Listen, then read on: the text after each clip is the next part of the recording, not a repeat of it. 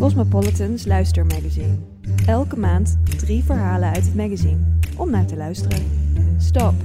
Don't panic. Ja, maar wat als? Houden wat als gedachten je s'nachts wakker of schiet je zo in de stress van een onverwacht probleem dat je niet meer helder naar een oplossing kunt zoeken? No worries. We hebben tips voor je.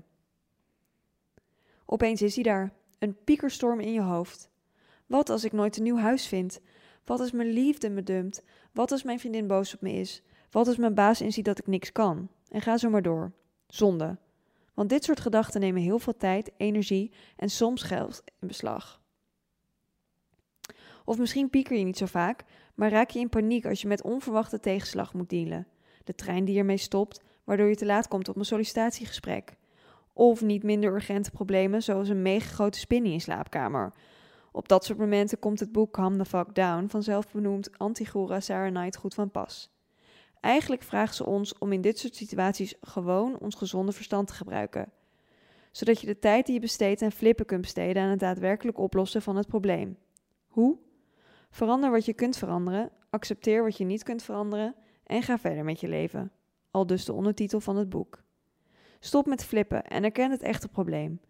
En daarvoor moet je dus allereerst kalmeren. Hoe? Erken dat je emoties op hol geslagen zijn. Geef ze explosief de ruimte en sluit ze daarna bewust ergens in je hersenen op, zodat je kunt focussen op de oplossing. Hoe je dat doet, verschilt per emotie. Angst. Neem angst. Voor mij geen onbekende. Laatst was ik op een vakantie toch even serieus in paniek toen ik na twee uur zoeken het appartement nog niet had teruggevonden. Ik het verkeerde adres bleek te hebben opgeslagen en mijn reisgenoot, die in het appartement was gebleven, haar mobiel uit had staan. En toen was de batterij van mijn mobiel ook nog bijna leeg. Dit was op klaarlichte dag in Miami, dus ik was nou niet direct een levensgevaar, maar toch sloeg de angst me om het hart. In mijn hoofd creëerde ik allerlei rampscenario's. Wat als ik het huis nooit meer terugvond en ik mijn creditcard leeg moest trekken voor een peperduur hotel? Zie hier het bewijs dat flippen ook geld kan kosten. Of erger nog, wat als ik op straat moest slapen? Sarah Knight comes to the rescue in dit soort gevallen. Om uit die angst te komen had ik me het best even op een andere taak kunnen concentreren. Bijvoorbeeld rustig van een cappuccino nippen in een leuk koffietentje. De oplossing zit hem vervolgens in focussen. Welke zorg heeft de overhand en hoe los je die op? In mijn geval was dat een oplader zoeken. Al was dat nu uiteindelijk niet nodig, want natuurlijk werd mijn vriendin bezorgd en appte ze net op tijd. Lees, voordat mijn mobiel echt leeg was, het juiste adres door. Maar was mijn mobiel leeg geweest, dan had ik Sarah's adviezen kunnen opvolgen. Andere tips van Sarah. Houd je bezig met andermans problemen, zodat je bij minder acute angstsituaties geen ruimte in je hoofd hebt om te piekeren. Of laat je vandaag persoon kennis maken met je morgenpersoon. Midden in de nacht kun je je collega toch niet bellen om te checken of ze inderdaad boos is over die ontactische opmerking van je, dus doe dat lekker morgen. Verdriet. Een andere manier om niet goed met je problemen om te gaan is blijven zwelgen in verdriet. Kun je niet stoppen met huilen bij het idee dat je kat over een paar dagen een operatie heeft? Voor je het weet heb je jezelf een megadip ingehaald, terwijl Poekie misschien wel helemaal nergens last van heeft. Niet zo handig dus. Wees maar lief voor jezelf, zodat je kalmeert. Eet chocolade, trakteer jezelf op een massage, kijk grappige filmpjes. Alles wat ervoor zorgt dat je je beter gaat voelen en inziet dat de operatie van je kat niet het einde van de wereld hoeft te betekenen. Boosheid. Boosheid daar ben ik ook best goed in. Toen ik me laatst suf had gehaast om op tijd bij de bioscoop te zijn en mijn reservering uit het systeem bleek te zijn verdwenen, had ik een heus flipmomentje toen ze 15 minuten overleg nodig hadden om mij en mijn vriendin door te laten. En dat terwijl ik mijn reservering in handen had en er nog genoeg plek in de zaal was. Ik ben heel verstandig even naar de wc gegaan toen mijn bloed begon te koken en heb het mijn immer geduldige vriendin laten oplossen. En dat heb ik nou toevallig heel goed gedaan. Want Sarah's tip om te kalmeren als je boos bent zijn: plaats het in perspectief. Jup, 15 minuten te laat de film zijn inlopen bleek geen ramp. Visualiseer de gevolgen. Als ik was gaan schreeuwen, hadden ze me vast niet doorgelaten. En pas je gedrag daarop aan. Naar de wc vluchten dus. Je kunt als de situatie zich ervoor leent ook je woede eruit zweten door te sporten of, maar dan alleen in gedachten, op wraak te zinnen. Ontwijkgedrag. En dan hebben we nog ontwijkgedrag. Doen alsof het probleem er niet is, waardoor je eigenlijk verlamt. Zo had ik ooit een commerciële schrijfklus die veel groter bleek dan ik had voorzien. Als ik tussendoor even rustig had ademgehaald, had ik kunnen inzien dat ik die deadline never nooit niet zou halen en had ik samen met de opdrachtgever naar een oplossing kunnen zoeken. Maar in plaats daarvan deed ik uh, niks. Alsof er op magische wijze opeens 20 uur meer in een week zouden zitten. Toen ik op de deadline dag de teksten niet kon aanleveren, moest de opdrachtgever, schaam me nog, vijf vertalers afzeggen.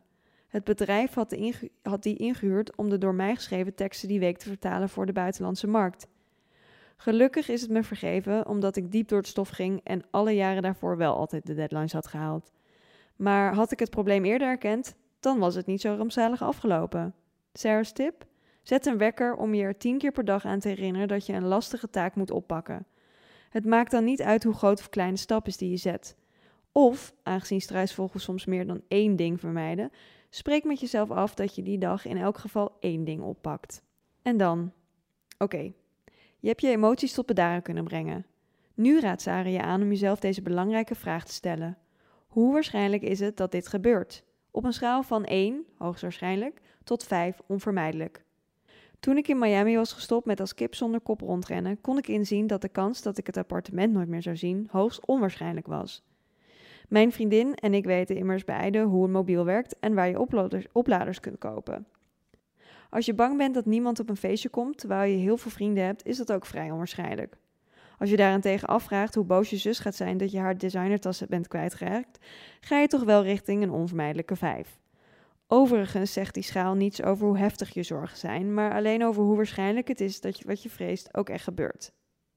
Nu heb je ingeschat hoe waarschijnlijk het is dat iets gaat gebeuren, kun je jezelf Sarah's volgende vraag stellen. Heb ik hier controle over? Nee. Accepteer dan dat je er geen controle over hebt. Kalmeer en laat het los. Ben je bijvoorbeeld onwijs aan het piekeren of degene op wie je een crush hebt terug zal appen? Dat is extreem zonde van je tijd en energie, want je hebt er echt zero controle over. Als je na een paar dagen nog steeds niks hebt gehoord, kun je altijd nog je wonden likken. Heb je moeite met loslaten? Probeer dan eens te mediteren. Daarbij oefen je met het laten gaan van bepaalde gedachten. Heb je daarentegen wel controle over dat waar je druk om maakt? Pak het dan aan. Zo lag ik laatst wakker omdat een vriend uit Amerika me tijdens zijn doorreis in Europa wilde bezoeken, maar ik daar eigenlijk geen zin in had. De volgende ochtend besefte ik dat ik hier of nog een paar nachten over kon piekeren, of hem eerlijk kon vertellen dat onze vriendschap zijn beste tijd heeft gehad. Ik koos voor het laatste. Hij was niet eens boos. Die nacht sliep ik weer als een roos. Help, het lukt niet. Natuurlijk is er nog wel een verschil tussen begrijpen dat het geen zin heeft je zorgen te maken en het echt niet meer doen. Probeer dan nogmaals situatie te zien zoals die echt is. Vervang wat in je fantasie bestaat, ofwel je piekergedachten, door de realiteit en accepteer die. Want als het hoogst onwaarschijnlijk is dat iets zal gebeuren, waarom maak je er dan zorgen over? En als het nog heel ver weg is, waarom maak je er dan nu al zorgen over? En als je er geen controle over hebt, waarom zou je dan kostbare energie, tijd en geld erin steken? En als je er wel controle over hebt, kun je het vast en zeker oplossen. Lukt het nog steeds niet om je op hooggeslagen piekergedachten te temmen? Ga dan nuttig piekeren, zoals Sarah Knight het noemt. Voorkom dat waar je je zorgen over maakt echt gebeurt, of bereid je er beter op voor wanneer die shit wel gebeurt. Dus ook al is het vrij onwaarschijnlijk dat je over tien jaar nog single bent, omdat je nou eenmaal fucking awesome bent, schrijf je toch maar in op een dating app. En zorg ervoor dat je leven zo leuk is dat, mocht je over tien jaar inderdaad nog single zijn, je er totaal niet mee zit.